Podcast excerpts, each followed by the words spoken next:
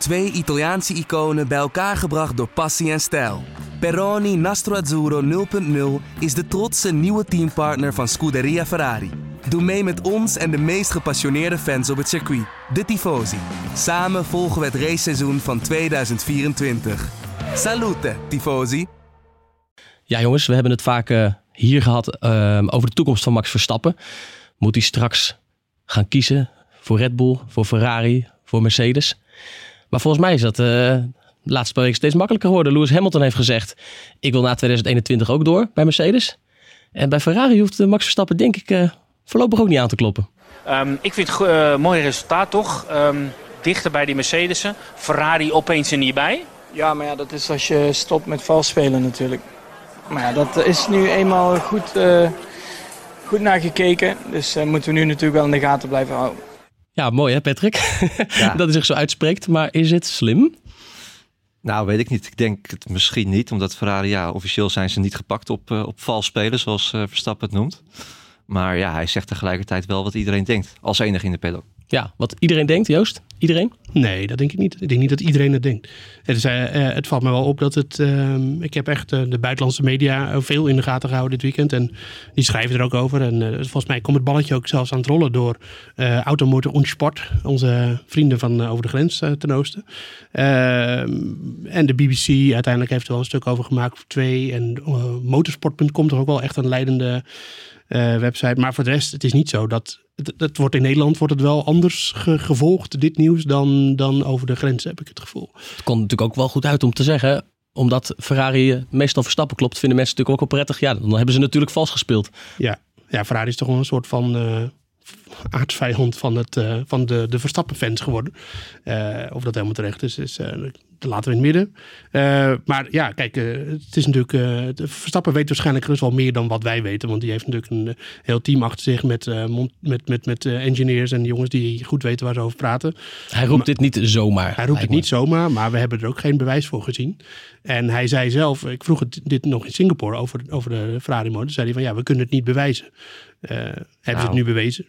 Geen bewijs. Het is, er zijn wel een hele hoop toevalligheden.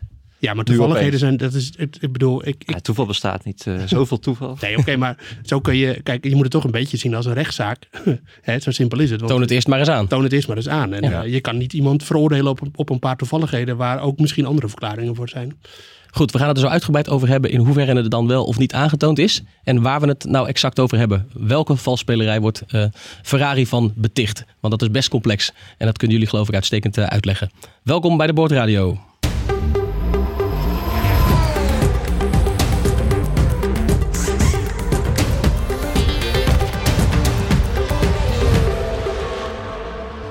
Ja, fijn dat jullie weer luisteren. Het was dus een Grand Prix uh, waar, uh, ondanks dat het niet zo heel spectaculair was, uh, wel heel veel over na te praten is. Niet in de laatste plaats door die quote van Max Verstappen die we zo even al lieten horen. Dat gaan we doen met Joost Nederpelt en Patrick Boeken, zoals u gewend bent. En mijn naam is Daan Smink. Um, snot verkouden. Dus deze keer is niet alleen Joost degene die, die er af en toe doorheen hoest en snottert. Maar daar, daar, moet u het maar mee doen. Um, Laten we wel even gelijk voortbeduren op Ferrari, jongens. Laten, laten we daar even bij blijven, want uh, dit behoeft uh, nadere uitleg. Joost, jij hebt daar ook een paar stukken aan gewijd. Je hebt vrij duidelijk uitgelegd, vond ik, um, waar Ferrari dan precies van beticht wordt. Ja. Vertel nog even, praat de mensen nog even kort bij. Um, ja, nou, het begint met dat een Formule 1 motor niet meer dan 100 kilogram brandstof per uur mag gebruiken. Dat is toch vooral een, een, een maatregel die volgens mij al ingesteld is in 2014 uit mijn hoofd. Dus dat toen ze overstapten naar het turbo-tijdperk 100 kg per uur. Um, dat is een beperking voor een motor, want eigenlijk zouden die motoren meer willen gebruiken. Want dan, ja, hoe meer te verbranden valt en de brandstof, hoe harder die loopt. Um, maar om dat te beteugelen heeft de FIA een uh, mandatory of verplichte sensor uh, aan alle teams gegeven die ze moeten gebruiken. Waarmee de FIA kan meten hoeveel brandstof uh, er per, per uur doorheen gaat. Dat is natuurlijk een gemiddelde. Het is niet zo dat ze dan letterlijk over een uur kijken, maar ze kijken met intervals. Um, naar, naar, naar hoeveel er door die sensor heen loopt. En het eerste slachtoffer destijds van die meter was Daniel Ricciardo in 2014, die zijn tweede plaats in Australië toen uh, in rook op zou gaan, omdat er te veel brandstof was gebruikt. En te veel brandstof impliceert eigenlijk in dit geval altijd meer vermogen. Um, Wordt daar iedere race op gecontroleerd? Ja, ja. Continu. Niet, niet, nou, niet continu als in de, die meter loopt altijd mee en de, de VIA Mhm. met een soort van scherm eh, met al die metertjes en dat ze kunnen zien. Maar eh, als, als je Ze doen Eh, steekproeven. normaal gesproken, ja, het is, soort, het is met een interval. Hoe dat exact tot in de details werkt, dat weet ik ook niet. Want dat is, maar dit is genoeg om er wat over te kunnen zeggen. Ehm, eh, even kijken. En, Nou ja, dat is dus het probleem. eh, eh, dat die meter normaal gesproken betrouwbaar zou moeten zijn. Maar het, het verhaal is dat Ferrari iets heeft gedaan om die motor, of die, die, die sensor minder betrouwbaar te maken. Het is een elektronische sensor. En ze zouden, en ik zeg er met nadruk bij de ze zouden, want het is niet aangetoond. En Red Bull zegt dat dit zo is. Dat is alles wat we weten. Eh, ze zouden een, eh, een spa- hoge spanningskabel van het hybride systeem langs die sensor laten lopen. Zodat die sensor door die hoge spanning wordt beïnvloed en niet alles registreert. Waardoor ze dus meer brandstof kunnen gebruiken. En dus ook meer vermogen hebben. Dat Ja. is wat er, wat er is. Ehm, wat is er toen gebeurd? Nou, de, de Red Bull heeft eh, volgens mij op 22 oktober, als ik goed begrepen, hebben ze dat aan VIA gevraagd. Niet van, eh, hey, willen jullie eens kijken of Ferrari dat doen? Maar meer van, kunnen jullie eens duidelijk maken wat de regels zijn hieromtrent? En, eh, Een oud Formule 1 trucje in de zin van, want ik zag dat jij ook schreef dat teams dan vaak vragen, hey, eh, mag dit? Want dit willen we graag invoeren. Terwijl ze het helemaal niet willen invoeren, maar gewoon omdat het dan getoetst wordt en dan kunnen ze zeggen van, Precies. oh, maar Ja, nou dat hebben ze dus nu ook gedaan. Want eh, dat moet ik er ook bij zeggen. Eh, en ik zeg niet dat het zo is, maar eh, het kan natuurlijk ook zo kunnen zijn dat als de FIA tegen Red Bull had gezegd van ja, dat mag. Dan denkt Red Bull, oh, dan gaan wij dat ook doen.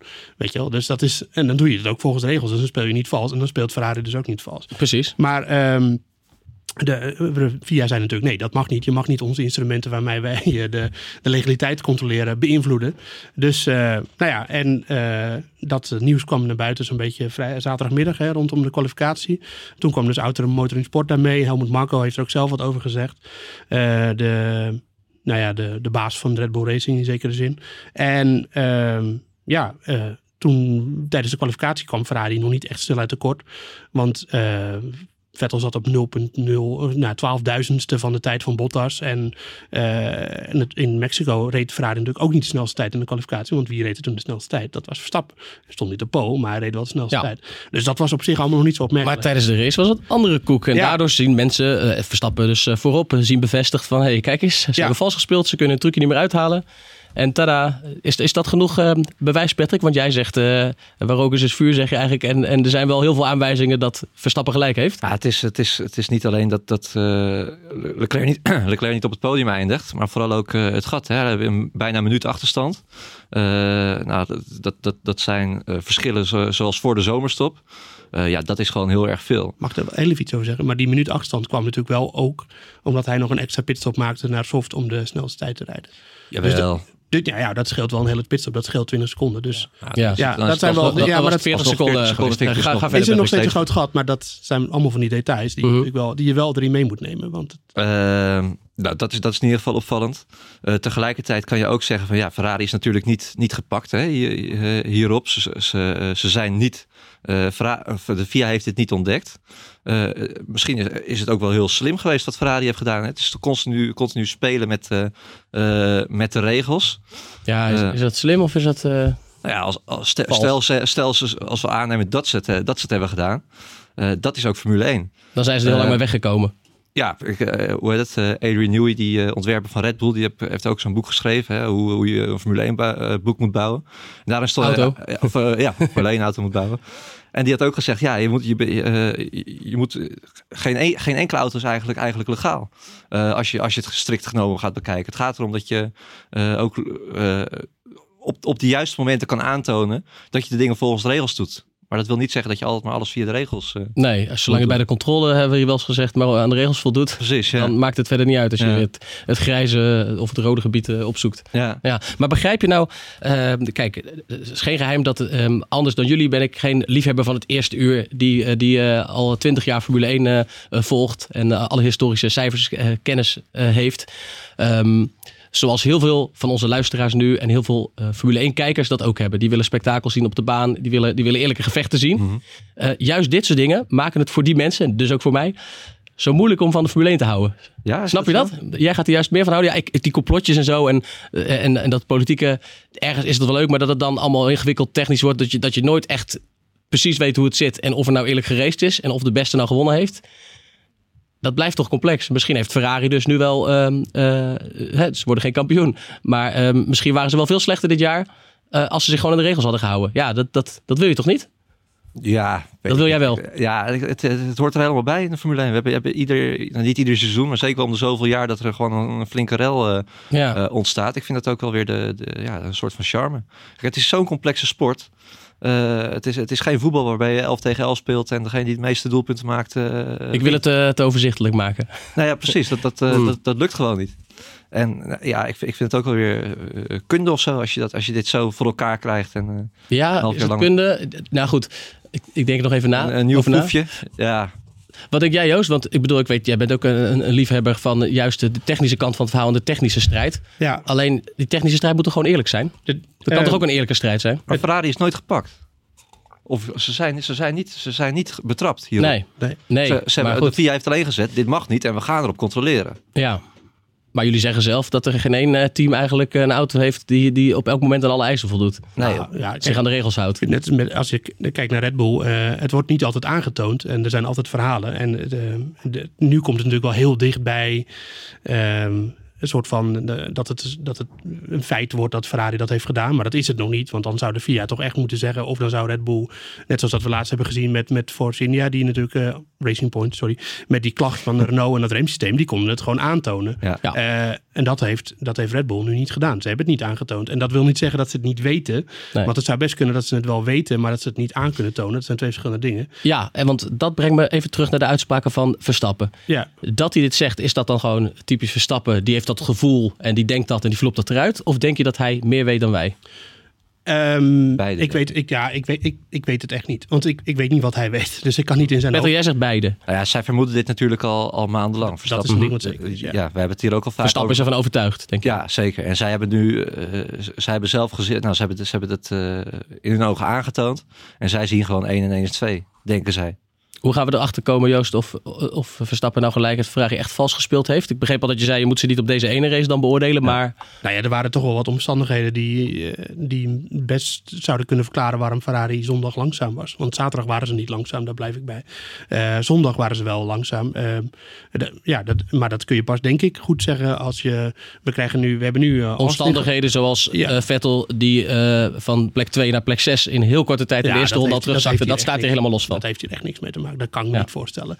Dat, eh, dat zou, dan zou Leclerc zelf ook zo ver terug moeten zijn gevallen. Ja. En dat gebeurde natuurlijk niet. Dus ehm, ik Welke denk... omstandigheden nog meer? Ga even verder. Nou ja, kijk, je hebt nu eh, Austin gehad. eh, een hele hobbelige baan eh, met eh, eh, bochtige sectie, lang rechtstuk, et- et cetera allemaal. Eh, volgende keer krijgen we Brazilië. Dat is gewoon weer een heel ander soort circuit dan Ja. Austin. Je hebt ook En- eh, mooi rechtstuk ook. Ja. Nou ja daar, daar ga je het wel duidelijker zien. Waarschijnlijk wel. Eh, twee, twee lange rechtstukken natuurlijk ook. Ja, inderdaad. En, en, eh, en eh, dan krijg je nog Abu Dhabi, wat ook weer best wel een ander soort circuit is. Dat is echt een biljartlaken. Ehm, qua opzet misschien wel vergelijkbaarder met Austin. Kijk, en als je dan na drie races gewoon zegt van... Hey, Ferrari doet er ene helemaal niet meer mee. En de laatste races wel, dan oké, dan is het zo. Maar ehm, iedereen haalt nu de tempo van Hongarije erbij van, van dit seizoen. En tuurlijk, dat was een dieptepunt van Ferrari. Maar dat was ook, dat, toen waren ze op hun langzaamst. Eh, en en daar waren toen, ook, toen waren er ook hele goede verklaringen voor. Want toen was het verhaal, en dat is ook het hele seizoen is dat al het verhaal, dat Ferrari gewoon veel te weinig downforce heeft. Ehm, dus ja, ik denk Ja, dat, dat je dat, ze opgelost dus nu, zei dat- ja, en dat, ik denk dat je dus dat, dat over drie races pas echt kunt zeggen. Ik zeg niet dat Verstappen ongelijk heeft. En waarschijnlijk weet hij meer dan wij weten. Maar, Maar het is, het is ook, ook niet alleen Verstappen hè, die het gezegd heeft. Toto Wolff heeft ook gezegd van ja, we hebben ook de, de, de data Ja. geanalyseerd.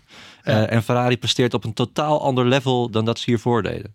Dus wat dat betreft krijgt Verstappen ook wel bijval. ja, ja, ja. maar je moet Nee, natuurlijk- Wolff zei er dan wel bij van, ja, Ah, we, we weten het niet. Die was iets minder stellig. niet ze hebben vals gespeeld. Maar Die is iets diplomatieker vanuit wel- zijn rol ook wel Maar je moet ook niet vergeten dat en Toto Wolff en, en Max Verstappen zijn ook concurrenten van Ferrari Ja, tuurlijk. natuurlijk. Ze Dus ja, ook- ja. d- dus ja, ze hebben er ook een belang bij om hun, om hun grote concurrent eh, verdacht te maken.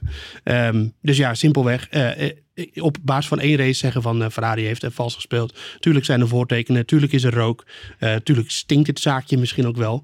Maar om nou echt te zeggen van, eh, van eh, het is zo, dan dat, Ja. dat wil ik pas na Abu Dhabi beoordelen. Ja, en dan weten we het nog steeds niet zeker. En dan weten we het nog steeds niet zeker. Want het is gewoon een technische aangelegenheid. Is het zo of is het niet zo? En je kan niet zeggen, eh, Verstappen zegt dat het zo is, of die zegt het, of die zegt het, dus het is zo. Terwijl, ik heb wel een beetje het gevoel dat dat nu de tendens is. Terwijl, ja, Ja. het moet eerst maar eens aangetoond worden. Ja, het, is, het is wel zo als, als Red- of Ferrari nog twee keer op een minuut achterstand gereden wordt. Nou ja, no- technisch nog steeds niet zo, Nou, maar dan kan nee. het bijna niet Ja, anders. ja. Nou, dan is wel Ja. 1 en 1 is Je hebt een kausaal verband en een correlatie. Precies. Het is maar goed dat jij niet in een rechtszaal werkt. Hoezo? Ja, nu is het We zitten, we zitten hier in de rechtszaal, Joost. Eh, eh, Het goed, moet gewoon misschien- aangetoond worden natuurlijk. Dat is nog wel... eh, Zo is, dat, eh, zo is dat wel. Maar voorlopig heeft het er eh, ja, voor velen wel de schijn van. Maar anders, Ferrari kan natuurlijk ook zeggen van... Ja, inderdaad, dit hebben wij gedaan. En eh, sorry. Ehm, maar dat, Ja, gaan ze niet doen. dat gaan ze niet doen. Nee, en wat je gaan ze nooit doen. Ook niet als het eh, wel zo En wat je natuurlijk nu ook krijgt, ze zitten natuurlijk ook soort, in een soort situatie eh, die hoe dan ook eh, vervelend voor ze uitpakt. Want stel nou dat, dat, die, dat die Ferrari in Brazilië in ene weer als de brand weer gaat. Wat gaan mensen dan zeggen? Zie je, ze spelen weer vals. Ja. Dus ze zitten nu in een. Ze zijn ook door, door, door, door Red Bull en waarschijnlijk, of misschien ook door zichzelf, de kans is best groot, in een situatie gebracht waarin mensen dan natuurlijk ook niet meer helemaal vertrouwen wat ze doen. Zo is dat. En, Ja. en, dat, en, en dat op basis van iets wat niet aangetoond is. Niet, niet door de VIA is gezegd, niet technisch is aangetoond. Het enige wat we hebben is dat Red Bull dit zegt te doen.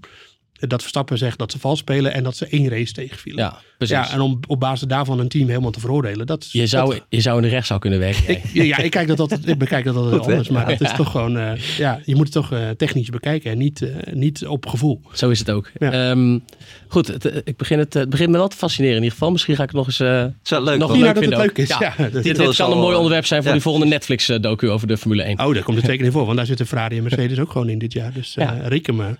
Heel benieuwd. Ja. Nou goed, laten we, het, laten we het eens over racen gaan hebben, jongens. Dat is eh, toch ook een best belangrijk onderdeel van deze sport. De race van Verstappen. Keurige start, zegt Jack Ploy dan altijd tegen Verstappen. Ja. En dat was ook zo. Ja, Dit geen, keer. geen spel tussen te krijgen. Dat, eh, dat probleem van, aan het, eh, van eerdere races is wel echt eh, zo goed als verholpen. Eh, hij kwam goed van zijn plek en eh, ja, meteen naar eh, P2 hè, was het, ja. Ja. Nee, was, was perfect. Ehm, hoe lang hebben jullie gedacht dat gaat op het einde nog spannend worden? Of hij gaat op zijn minst Hamilton nog, eh, nog pakken? Ik heb heel lang zitten hopen. Ja, tot, echt tot, eh, tot eh, drie rondes voor het eind nog wel of zo. Dat, Ja. ik zat ook de hele, het was ook weer typisch zo'n race waarbij je dan meer op de tijdlijst zit Ja, kijken. Dan, rekenen, rekenen. Ja, en ik had ook, op een gegeven moment zag je ook dat, je zag wel dat Hamilton, die was, die was te langzaam, die ging het niet redden op zijn op zijn banden. Toen dacht ik even van nou, Bottas, eh, die wil dat Hamilton feestje niet verstoren, die gaat, eh, die gaat Hamilton laten winnen. en toen Ja. zag ik ook in de tijdenlijst dat, eh, dat Verstappen dichterbij aan het, aan het komen was. Dus ik had alweer een tweetje eruit gegooid van Bottas laat het lopen, Verstappen gaat, gaat, gaat, gaat eh, die, die kan bijna niet meer niet winnen vandaag. Nee, Maar dat, je was eh, iets dat- enthousiast, hè? ja, ik was heb je weer wel eens, hè? Ik was weer te enthousiast, ja. Maar dat kwam omdat Bottas zat gewoon vast, eh, vast in verkeer en die, eh, die ging er snel voorbij. Is ook zo. Ja, ik Maar- dacht nog wel eventjes van wat nou ook. ik ben benieuwd wat Verstappen had gedaan. Als, als niet die haast daar, hè, die, die gele vlag had eh veroorzaakt. Ja. Waardoor hij op het rechte stuk niet meer naar Hamilton toe kon rijden. Ik weet niet of dat het verschil had gemaakt. Maar dan had hij misschien wel een aanval eh, kunnen doen bij Hamilton. Ja, Dat was, dat was een alles of niks aanval geweest. Hè? Want als Verstappen en Hamilton er samen afvlogen, was Hamilton ook nog geen wereldkampioen even geweest. gehoopt, nou, Verstappen die heeft al een keer een gele vlag genegeerd, hè? Ja. Nog maar een Ja. keertje.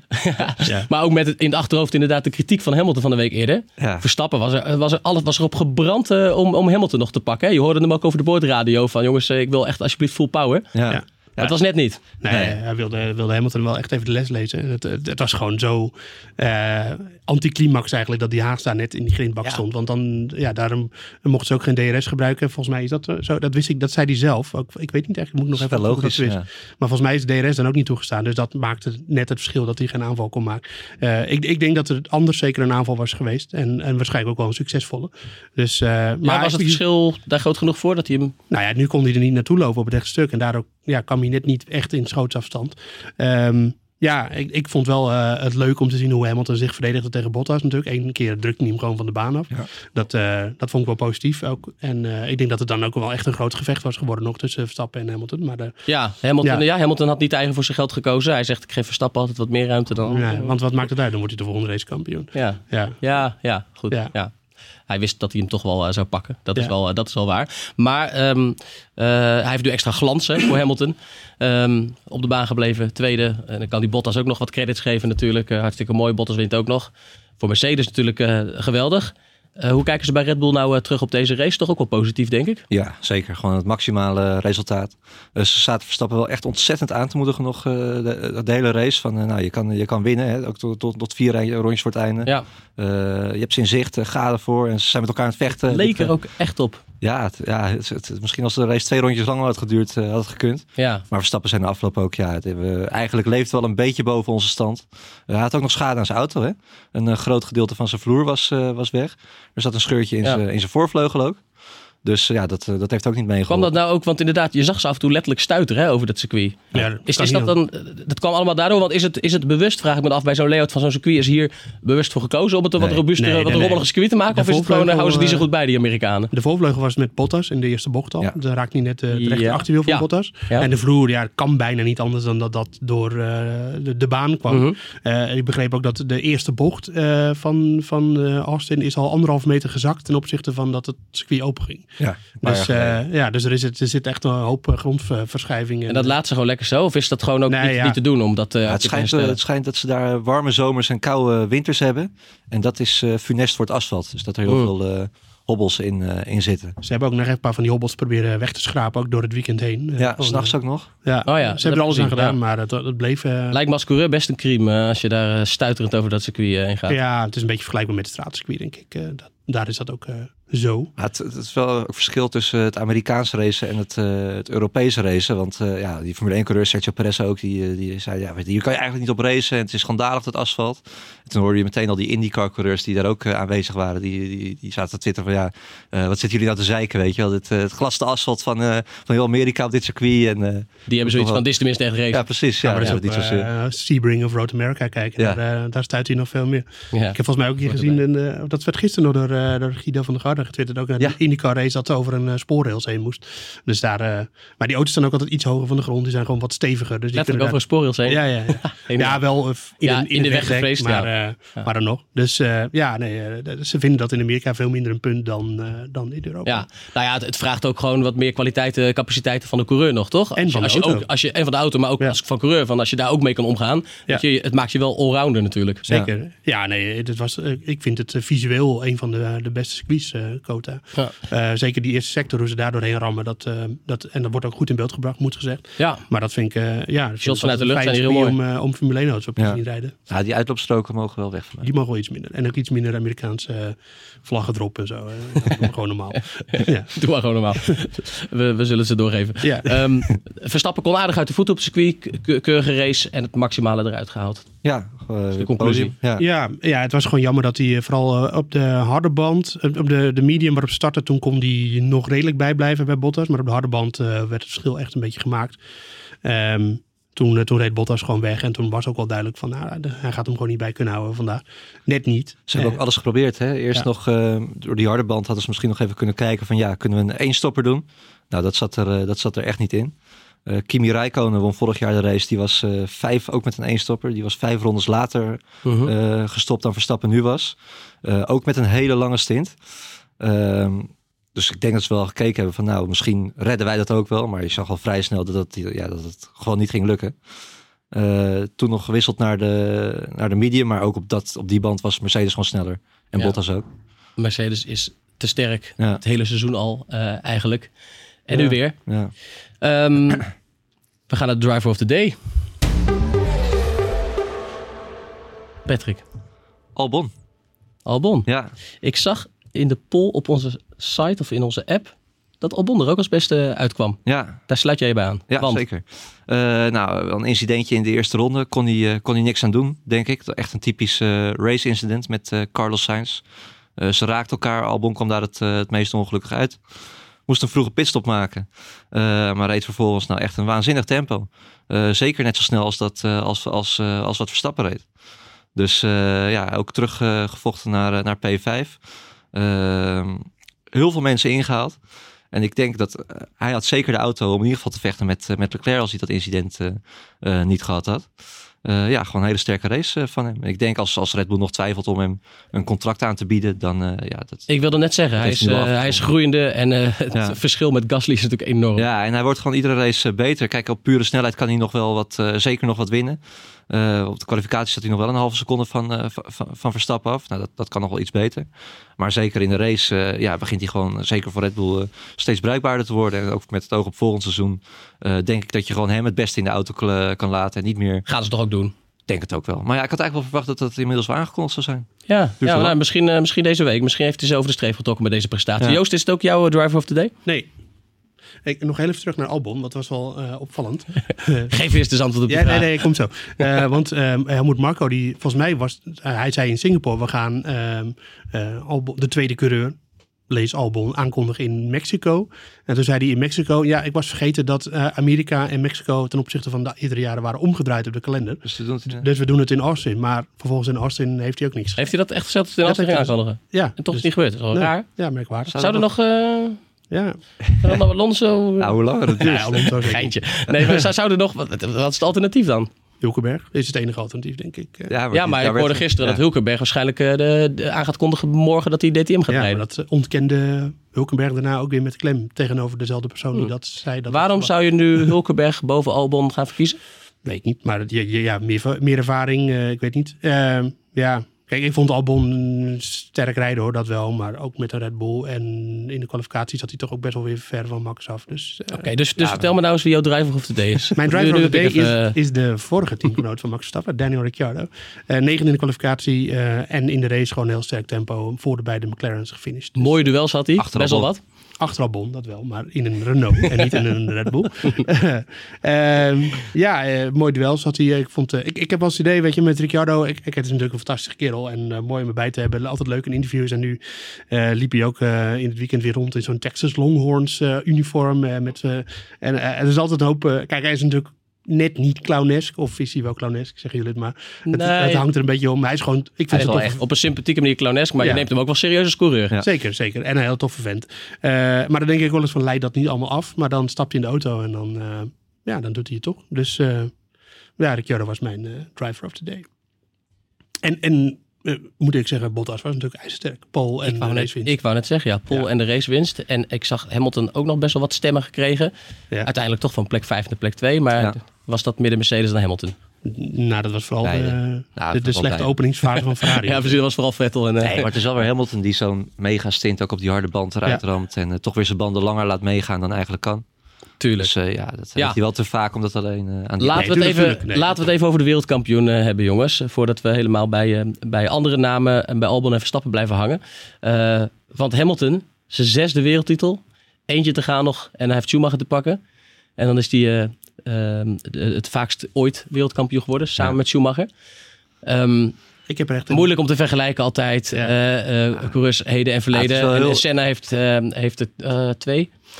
drie. Drie, sorry, drie wereldtitels. Ehm, Ja, dat is- maar doe toch eens een poging om, om te vergelijken waar Hamilton staat ten opzichte van mannen zoals Schumacher, Hamilton, Prost. Zelfde Senna categorie. bedoel Dat is gewoon die categorie. Ja. Oorcategorie. Ja, Ja, nee, die, eh, hij hoort bij de allergrootste natuurlijk. Dat is, eh, dat is evident. Eh, zoveel goede races, zoveel... eh, en die allergrootste, die moeten we dan zelf... Dat zijn gewoon de allergrootste en die moet je niet weer in gradaties gaan indelen. Ja, het, zijn wel, het zijn wel andere coureurs. Kijk, als je, eh, wat ik opvallend aan Hamilton vind, die heeft nu zes, zes titels, maar hij is heel erg onomstreden. Kijk, Schumacher, die was, die was, eh, die was van de trucjes. Die, eh, die, die, die beukte je eraf, letterlijk, als, eh, als, er, als, als hij daarmee de titel kon winnen. Maar is Hamilton niet op de, op de baan inderdaad onomstreden, maar buiten de baan wel meer omstreden dan Schumacher? Denk ik. Want er zijn echt niet. Ik ken persoonlijk, en ik ken een hele hoop Formule 1 liefhebbers, ik ken geen één Hamilton fan. Ze zijn iedereen, en daar tel ik rekening mezelf ook, Ja, grote, maar dat heeft, groot respect. Maar hoe zou, dat heeft niks met zijn race. Dat zijn allemaal men- mensen, denk ik, die, die weinig met race hebben, toch? nee, nee, nee, Nee? Formule 1 fans. Ik ken Ja? niemand die denkt... ja, maar omdat ze het gewoon geen leuk ik gozer ken, vinden? ik ken bedoel je- Verstappen-fans heel veel. Ik ken Ja. Ferrari-fans eh, best wel veel. Ik ken geen één, ik ken geen één Hamilton-fan. En ik ken echt veel Formule 1-liefhebbers. Maar hoe komt dat, denk je? Ja, dat weet ik niet. Ja, hij is, er is toch... Door hoe die bij- buiten de baan, dat hij een beetje ongrijpbaar is en een beetje anders is dan de anderen of zo. Ik denk dat vooral dat laatste ongrijpbaar is het niet eens. We dit weekend een heel, eh, heel mooi verhaal gemaakt. Heeft eh, je collega Bart eh, gemaakt over, over Hamilton, Hamilton de wereldverbeteraar. Hè? Ja, en, en dat zegt denk ik ook wel veel over Hamilton de persoon. Want ook daarmee, hè, Hamilton is, is veganist. roept roept Mercedes op om te stoppen met plastic gebruik. Wil zelf zo snel mogelijk stikstofneutraal leven. En, en dat is niet alleen maar bla bla, want hij, hij handelt er ook naar. Hè? Ja. Deel van zijn wagenpark verkocht enzovoort. Hij zegt ook dat hij, we kunnen niet alles toetsen, maar dat hij dus eh, nog zo weinig mogelijk vliegt. En vooral in Engeland op vakantie gaat eh, nu. Ehm, eh, heel interessant allemaal. Maar tegelijkertijd zegt iemand als Alonso dan van ja, hallo, je bent een Formule 1 coureur, je reist de hele wereld over in deze, in deze sport. Dan kun je niet de ene dag A zeggen en de andere dag B doen. En dat is natuurlijk wat er altijd een beetje om Hamilton heen hangt. Ja, hè? maar wat, dat is zeker zo. En wat, zo daar nog meer over. Maar wat ik vooral ook denk is dat Hamilton een, een, een echte tegenstander van formaat mist. En ik, ik merk dat hij de laatste tijd vooral Vettel een beetje in die rol probeert te drukken. En Vettel is natuurlijk viervoudig wereldkampioen. Dus dat is de enige op de grid nu die dat kunt, Mhm. kunt geven. Maar het is natuurlijk wel zo dat hij de afgelopen jaren... Kijk, ehm, Hij Senna- was, hij was de beste en de Mercedes was de Precies. beste. Dus het was... Senna had Prost sowieso als grote tegenstander. En ook Menzel in zekere zin ook later met de, met de Williams. Echt, echt tegenstanders van formaat. Eh, en, en, en Hamilton heeft dat ook wel de laatste jaren natuurlijk gehad met Ferrari. Maar als je nou gaat echt kijken naar de WK-push van Ferrari de afgelopen drie jaar. Nee. Dat was er niet echt. Nee. Want de, de, in Geen 2007 teamgenoot die je met eh, vuur aan de schenen kon Ja, leggen. kijk, het enige seizoen, het enige drie, was twee, drie seizoenen hebben ze natuurlijk naast elkaar gereden. eh, In, in een topauto, eh, Rosberg en... eh, eh, Maar zelfs die had het ook niet. en eigenlijk, wie nam Rosberg nou echt net zo serieus als Hamilton? Hij is natuurlijk één seizoen wereldkampioen geworden, maar dat was ook wel een beetje door wat pech hier en daar bij Hamilton.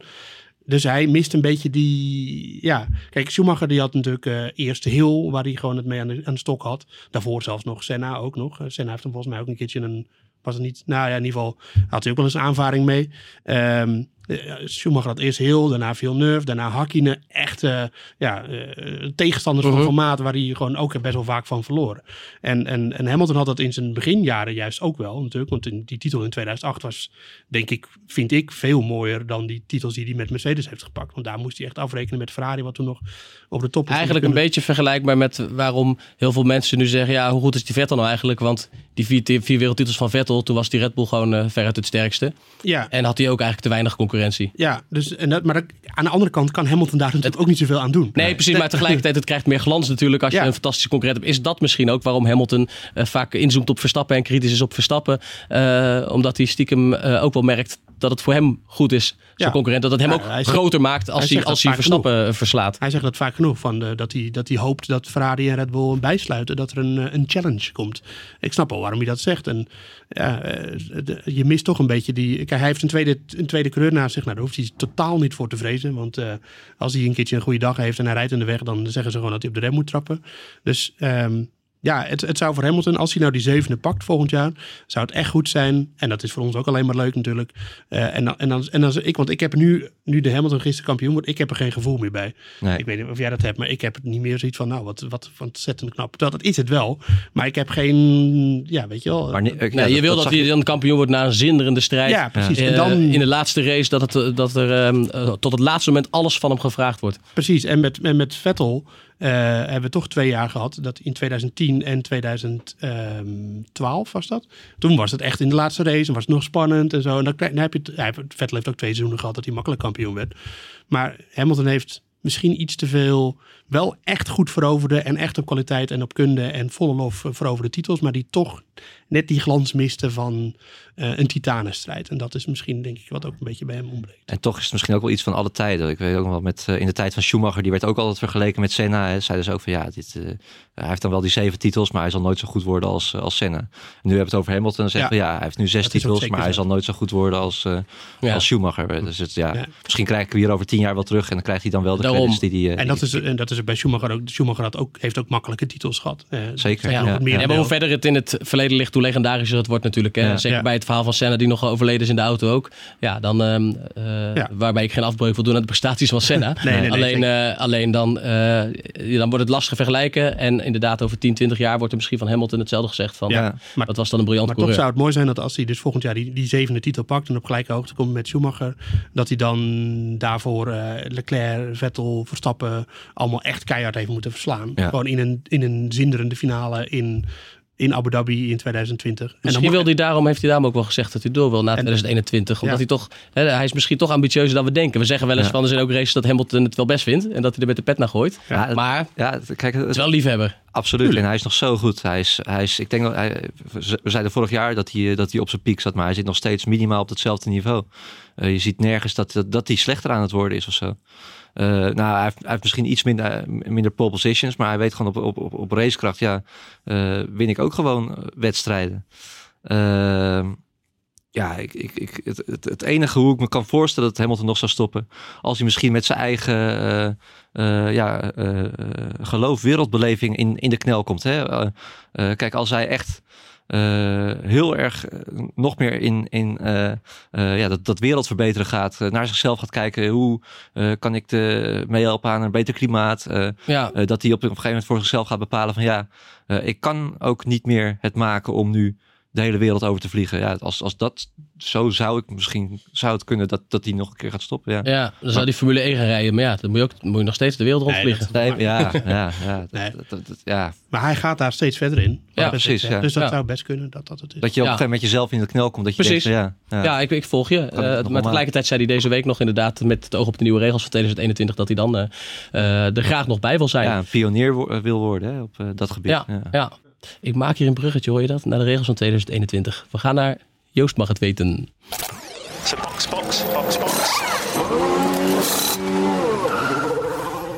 Want daar wil je het over hebben. Ja, dat is inmiddels alweer een beetje. eh, Dat was donderdag natuurlijk. Een beetje Ja. ondergesneeuwd. Maar eh, een hele belangrijke dag eh, voor de Formule 1 natuurlijk. Die, die presentatie van die nieuwe regels.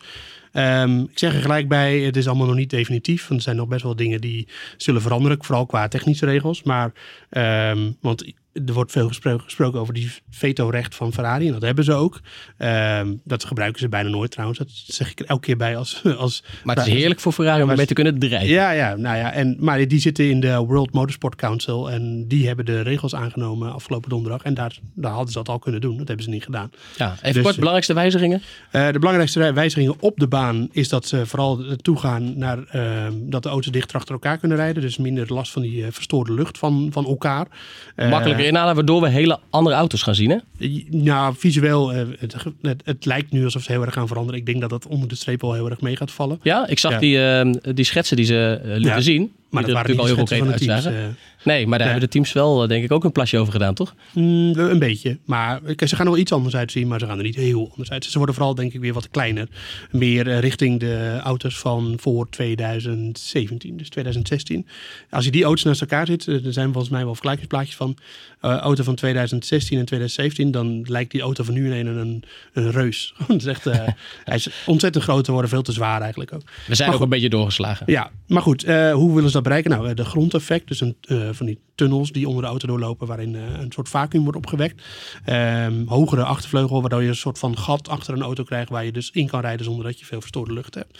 Eh, verder nog wieldoppen. We gaan naar 18 inch velgen. Ehm, eh, ja, dat soort eigenlijk. en nou ja, we moeten kijken of dat inderdaad gaat werken. Pardon. Ehm, wat, je wel, eh, wat, de Formule 1 er wel over zei, is dat de auto's nu ongeveer eh 55% van hun downforce hebben als ze vlak achter een andere auto rijden. Dus dat ze daardoor heel veel grip verliezen. En volgens mij was het iets van dat ze met die nieuwe regels naar een 89% van hun normale downforce eh, toe gaan. Dus dan, ja, dan, dan zie je dus bijvoorbeeld dat Verstappen gisteren ook naar Hamilton toe rijdt. En dan op het laatste moment dan wordt het steeds moeilijker. Omdat hij in die vuile lucht van Hamilton rijdt. En dat zou dan veel minder moeten worden. Dat is het belangrijkste op de baan. Eh, het belangrijkste naast de baan is natuurlijk de budget cap van 175 miljoen dollar. Eh, waarin alleen alle dingen zijn opgenomen die te maken hebben met de prestatie van de auto.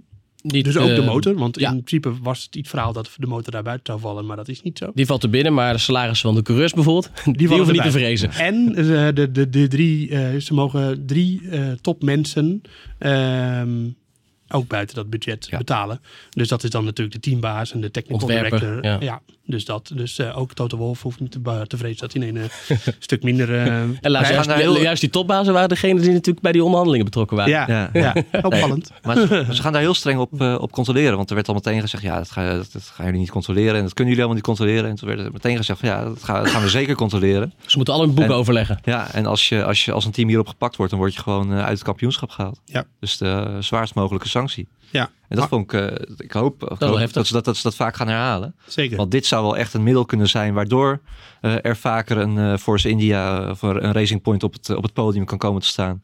Of een ander kleiner team. Ja, zie je tevreden Patrick dus met de nieuwe Ja, regels? zeker. is, dit, is dit waar, waar Formule 1 minnend, eh, eh, de Formule 1 minnende wereld eh, op hoopte? Eh, Zeker, In de zin dat het ja. weer spannender wordt en iets, iets meer gelijkwaardig? Ja, nou, ze hebben eindelijk ook echt voor een, eh, een duidelijke racevisie gekozen. Eh, kijk, toen deze, de auto's die, nu, die we nu hebben werden ingevoerd, eh, eh, nog aan de hand van, eh, van Bernie Ecclestone. Ja, dat moest allemaal sneller. Hè? We willen de snelste auto's ter wereld bouwen. Eh, maar die hielden helemaal geen rekening eh, ermee dat deze auto's eigenlijk helemaal niet goed kunnen racen met elkaar. Nou ja, dat doen ze nu wel. Ze, ze ze zeggen ja.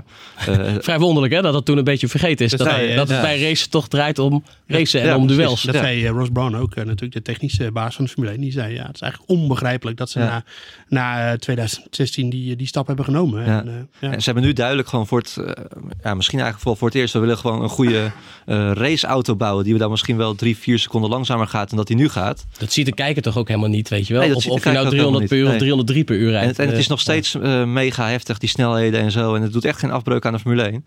Eh, maar ja, het, je krijgt waarschijnlijk wel een mooie race te zien. Aan de andere kant is het ook wel weer zo. Het ziet, het ziet er op papier heel mooi uit allemaal. Het is nog wel even afwachten of dat op de baan ook zo gaat zijn. Want je kunt nog zoveel uitrekenen. Eh, de teams kunnen, wat Joost al zegt, ze gaan hun eigen interpretatie aan die auto's geven. Ja, dat is het linker. En, en dat dan, hebben we dit weekend kunnen, kunnen zien. Dat, het, Ja. dat teams gewoon eh, best wel veel vrijheden Dus hebben ja, precies, want jullie zitten me nu weer lekker te maken, maar het wordt straks gewoon weer... eh, we moeten... Nee, hè? nee, dat Ja, het, het ziet er goed uit, maar we moeten nog heel even een kleine slag om de arm houden of het ook echt zo op de baan. Ik geloof wel echt heel erg in die, eh, die grondeffect oplossing. Ja. Ja, maar er was nog één derde deel, wat ook nog heel belangrijk is. Dus vertel, heel ik wilde terug naar jou. Ja, die... eh, Wilde jij ook, hè? Ja, ja, ja. Ik, ik wilde het woord. Hou je mond man. nee, gek. Ehm, eh, nu is het natuurlijk zo dat tien, de tien teams die hebben heel veel in, te, in de melk te brokkelen. En die moeten het over grote beslissingen, vooral regel- regelwijzigingen bijvoorbeeld tijdens het seizoen, eh, unaniem eens zijn. En dat gaat veranderen. Want dan komt meer een grotere besluitvormingsgroep waarin alle stakeholders, zoals ze dat zeggen, in zitten. Eh, en voor een kleine beslissing heb je dan een kleine meerderheid nodig. En voor een grote beslissing heb je een grote meerderheid nodig. Dus eh, als Mercedes iets niet wil dan, en als enige dwars gaat liggen, dan houdt dat de boel niet tegen. Tenzij, er is natuurlijk één team met die uitzondering, dat is Ferrari. Dat vetorecht ze gewoon. Dat blijft zo. Ja. En wat vindt Mercedes daarvan? Wat vindt Red Bull daarvan? Ja, ik denk dat die dat toch ook wel een beetje zien als van, ja, dat is destijds met Ferrari afgesproken. En dat is toch een beetje gek dat historisch gezien eh, zijn jullie weer wat belangrijker dan de rest. En hebben jullie net wat meer te zeggen dan de rest. Dat is toch, ja. Ja, maar ja, dat, ja dat, het is nou helemaal zo. Ik kan er ook niet Verbaast me. En het Ja. verbaast Ja, me dat andere teams daar dat dan mensen- maar mee akkoord gaan. ja. Ja. Ja, het is ook moeilijk uit te leggen aan iemand die... eh, ja. Ja, wij, wij nemen het inderdaad, zo- het is ook wat je zegt, wij Ja, nemen jullie het zijn er, je voor, voor neemt lief. het voor lief ja. aan omdat je het niet anders gewend bent. Maar Precies, het is natuurlijk heel normaal. raar. Ja, het is ook, het is ook heel raar. Ja, en, en, ik- ook, en ook, nog wel, ook nog wel opvallend, dat ze toch, eh, waar we het ook laatst over hadden, dat ze ruimte laten voor 25 Grand Prix. Hè? Eh, dan wordt het Grand Prix weekend wordt wel eh, ingekort. Want de media die nu nog op de mediadag die nu nog op donderdag is, die gaat dan naar de vrijdag, zodat de teams een, een driedaags weekend hebben in plaats van een, een vierdaags weekend. Eh, de vrije trainingen worden dan waarschijnlijk eh, met een half uur inge- ingekort. Dus we hebben niet meer eh, twee uur, drie kwartier of twee uur, anderhalf uur vrije training, maar twee keer een uur op, Ja. op vrijdag. En op de vrijdag moet al de hele afstelling van de auto, die wordt dan vastgelegd. Dus ook om, te, om, het, om het maar, je moet, je moet sneller voor één, één lijn gaan kiezen. waarmee je de, de rest van het weekend met je auto moet, moet rijden.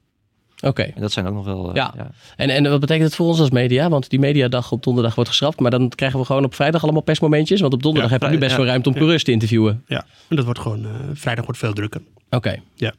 Helder. Ja, kijk, eh, als ik nu kijk naar hoe dat is ingericht, dan is de, zijn de mediamomenten ook altijd maar in een kort tijdsbestek. Dus eh, meestal is het zo, eh, om één uur begint bij Haas de eerste persmomentje.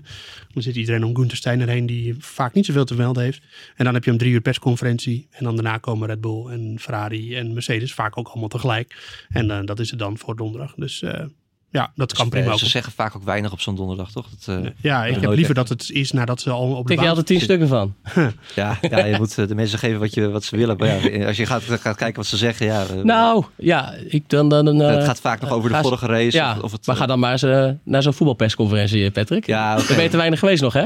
Want als je vindt dat ze weinig zeggen bij de Formule 1, dan valt dat hartstikke mee, hè, relatief Ja, vergeleken met sommige andere Maar toch, sporten. het, het, het is makkelijker om, om ook voor die coureurs om wat te zeggen als wat Joost zegt, oh, al op de baan zijn geweest. In plaats van dat als ze Jawel. aankomen en nog geen idee hebben wat er Ja, gaat gebeuren. ja, Maar ze, kunnen dat, inhoudelijk nog niet zoveel zeggen nee, over wat ze nou verwachten. Ik denk dat op de komende mediadag donderdag in Brazilië wel genoeg eh Ja, wordt geweldig. praten is. Dat wordt eh, vuurwerk, ja. Ja. Want Verstappen die kregen nu al eventjes eh, van langs van Binotto, hè? Van Ferrari. Die eh, Ja. zei van, eh, hoe kan hij dat nou weten? Wat, eh Ja. wat Ja. bazelt hij nou? Ja, ik- ja. Dat krijgt nog wel een staartje. Zeker, ja. Ik ben ook benieuwd of, of Verstappen gesteund gaat worden dan bijvoorbeeld door eh, een Total Wolf. Of dat ze bij Red Bull ook gewoon eh, hard gaan zeggen van ja, Ja, Ferrari, hebben vals gespeeld. Ja, vals gespeeld. Ja. we gaan naar de fanzone. De post. De post van onze trouwe luisteraars. Ik was iets te vroeg. Ehm, veel vragen uiteraard over wat we uitgebreid al besproken hebben. Eh, natuurlijk, de Ferrari-rel en, ehm, en hoe dat nou zat. Ook nog een vraag die we ook min of meer behandeld hebben net van Gabor over ehm, eh, het veto van Ferrari.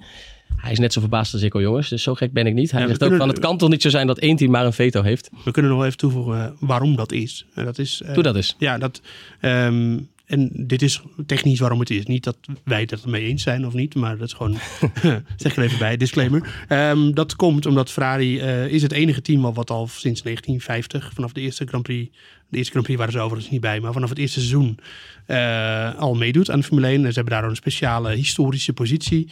Ehm, bovendien hebben ze natuurlijk ook een grote marketingwaarde voor, eh, voor de Formule 1. Enorme imago eh, versterkend eh, team natuurlijk dat Ferrari zit. Kijk maar naast de baan. Eh, Ik bedoel, in Nederland zal het wat minder zijn, want daar overheersende oranje petjes. Maar in het buitenland kom je overal toch wel overal Ferrari-fans tegen. Ehm, en, en je moet ook niet vergeten dat Ferrari heeft natuurlijk ook gewoon een belangrijke rol eh, in het kampioenschap. Ook voor de concurrenten. Want zoals Mercedes, die vindt het vooral leuk om in de Formule 1 te rijden en Ferrari te verslaan. Dat Ja. geldt ook voor Renault, die doen het niet, maar dat zou kunnen.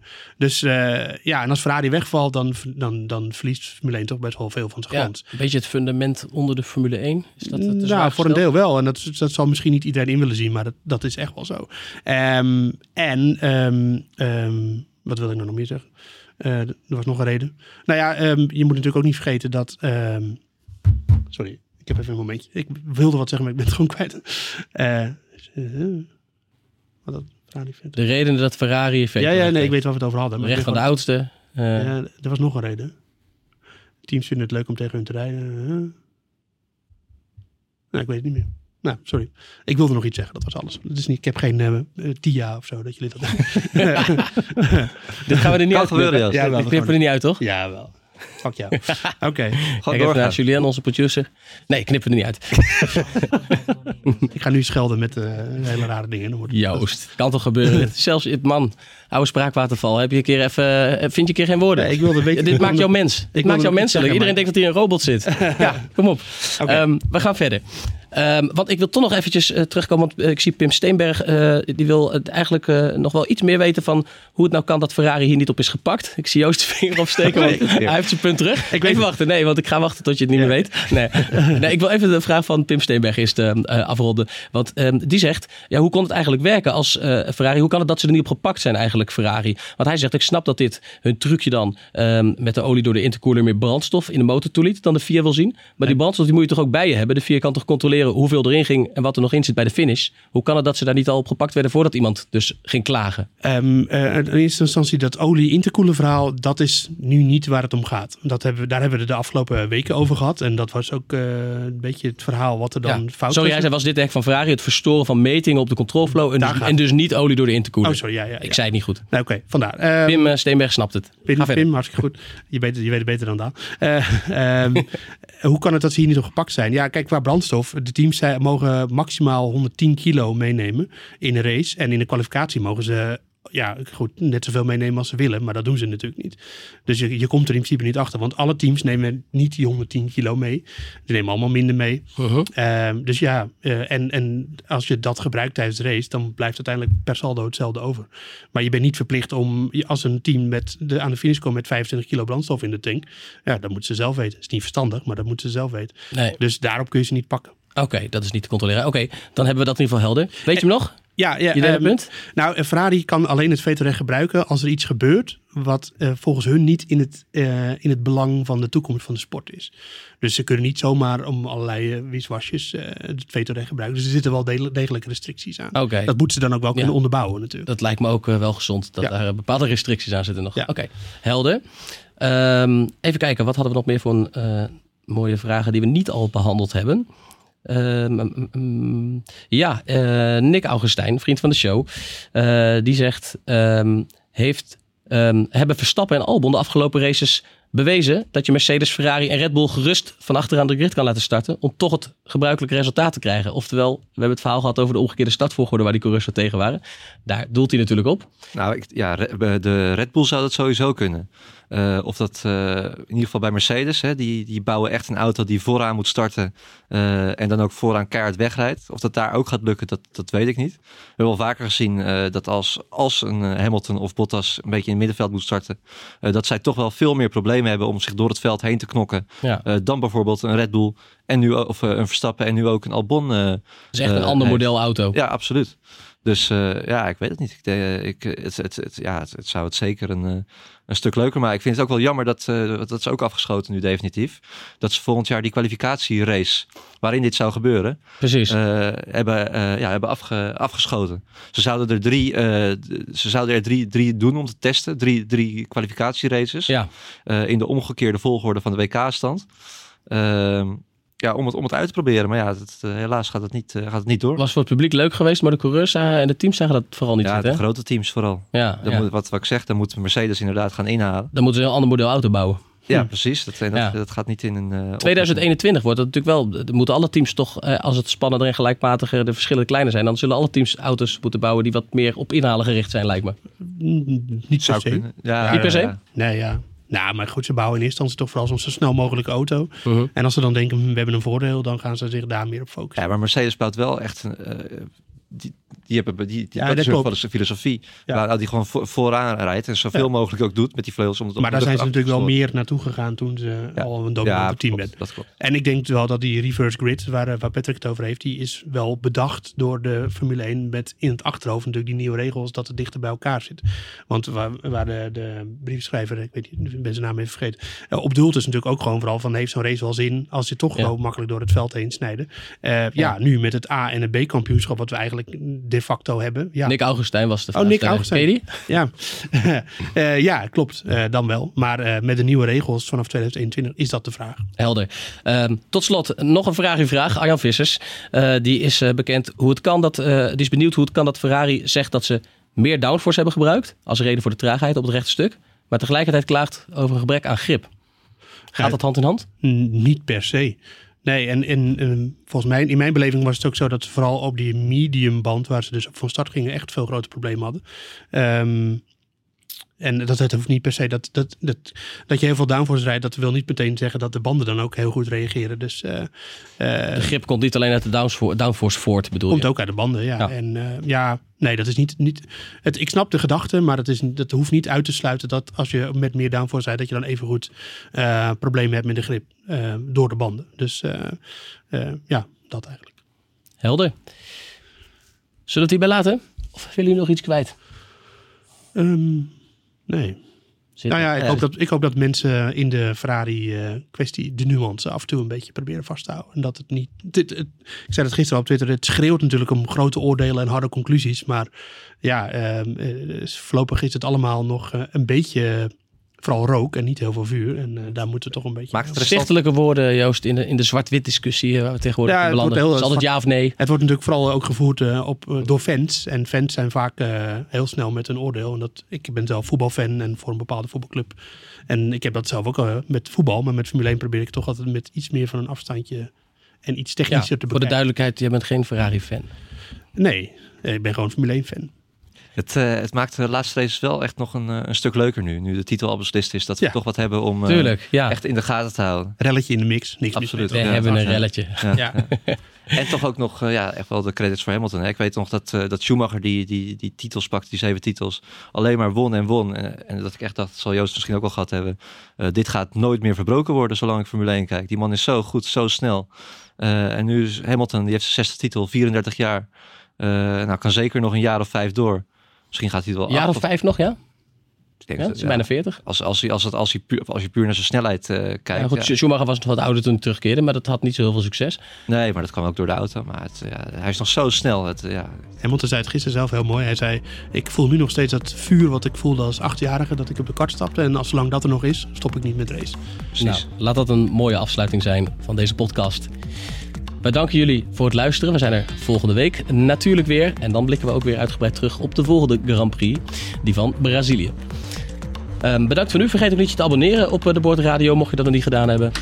Ehm, via iTunes of je eigen favoriete podcast-app. Wij laten het hierbij. Tot gauw. Dag.